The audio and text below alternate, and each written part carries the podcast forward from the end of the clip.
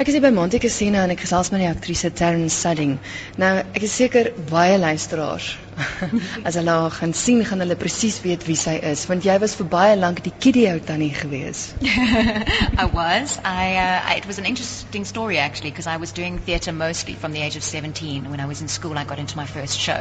So I was a musical theatre actress up until the point that I hopped on a on a, a, a a ship that ended up not coming back was the Achille Lauro that was caught on fire, and I was entertaining on at, at, on the ship at the time. And I literally came, walked off with the clothes on my back, and had to start over. And so my agent at the time, Penny Charteris, said to me, "My girl, we need to get you back on your feet. The best way to do it is to get you into television." And so I auditioned for Kidio. They were looking for a new presenter at the time. And I went to audition and um, got the job. So I was there for four years. Four incredible years of first time being on camera and, and having to be myself and just kind of having to just be comfortable with being Taryn on Kidio, mm. working with donkeys and dirty socks for a living, which is one of my, what my, one of my friends kept on mentioning. Oh, you're still working for donkey with donkeys and dirty socks for a living. um, so that was me. That was me for four years. Na Kidio? I continued to do theatre because it's it's my first love. So I carried on with theatre for a, a long while. I did then I did um, while I was doing a production of La Cage aux Folles at the Civic, I did Panic Mechanic with Leon Schuster. So that was my venture into, into the world of film. And then back to back to musicals. Did um, a couple of productions. Cats was a big production for me that happened over a succession of years from 2001 up until 2005 when I was in um, Athens with an Australian company. So I kept on coming back into the show, and then I revisited the show again in 2009, and that's where I met my leading man, Jonathan. So he was he was on he was playing Munkustrap, and I was Bombalurina. So I did kept on I've kept on doing theatre. But I've ventured into the, into voice the voiceover market. I do a lot of voiceovers for TV and radio. That's primarily what I seem to be doing and I started my own jazz trio as well because I love jazz. So I have mag- two magnificent musicians, uh, John Frisk on, on keys and Graham Carey on double bass and myself on vocals. And we called No Frets, and we do background entertainment, and we, yeah, whatever sort of whatever's out there, we go and we entertain. So I've kind of mixed it up a little bit, which has, has suited me down to the ground. I've loved it. Jy's nou weer te sien in 'n teaterproduksie. Mm -hmm. Dis 'n musikale revue. Dis Noel and Gertie waar jy saam met Jonathan Roxmouth is, soos jy nou genoem het. Musikale revue, hoe, hoe verskil dit van 'n musical vir musiekspel?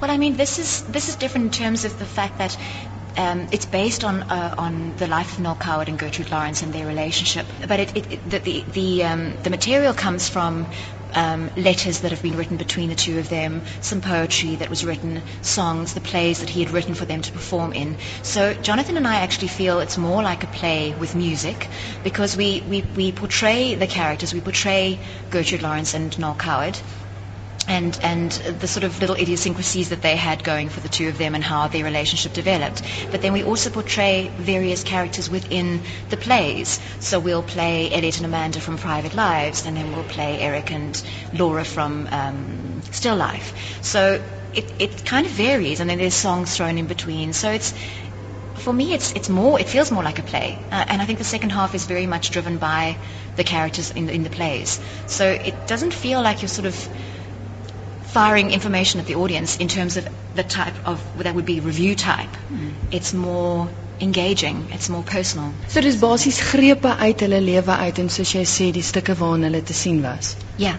Yeah, there's a lot of information. That people who don't know Noel Coward and Gertrude Lawrence um, leave the show actually being well informed very well informed and I think delighted with the, the, the wittiness of who they were and um, and also obviously are engaged in, in the scenes because it's all about relationships. So I think they kind of sit there and they're taken on a journey with regards to who they actually were as individuals, but also just in terms of life and how we go about our lives every day and the relationships that we have.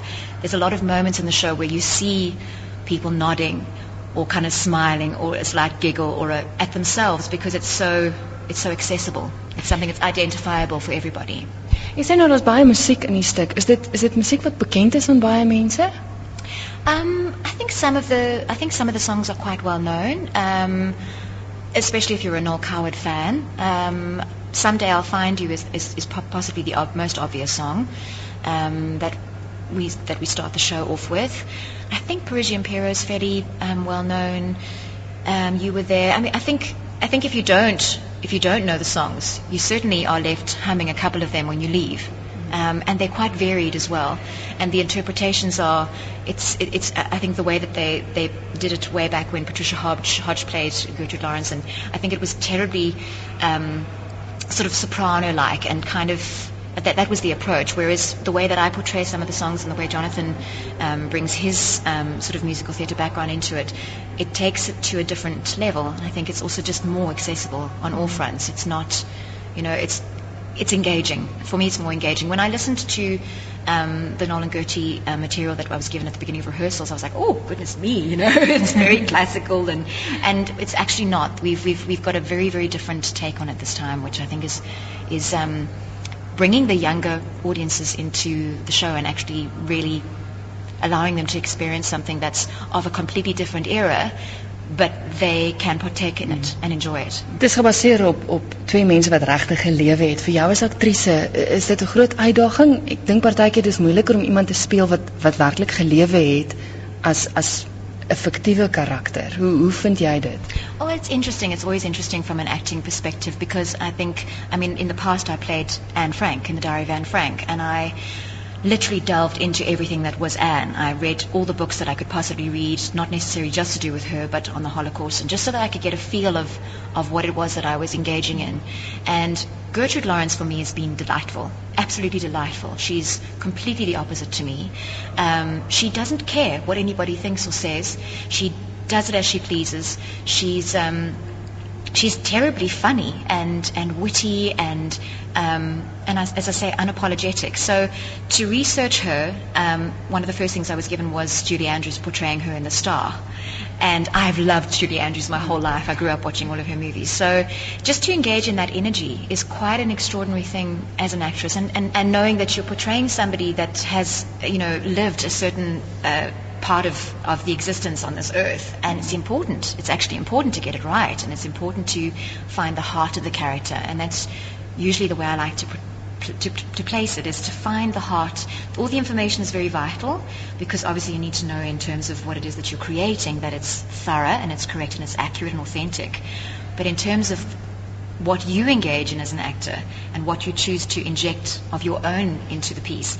It's taken me back to my childhood. It's taken me back to a very playful part of myself that I think I've put in a box for a while. So it's really allowed me to come alive in my own flesh as well as, as, as in her flesh, if that makes any sense. Mm.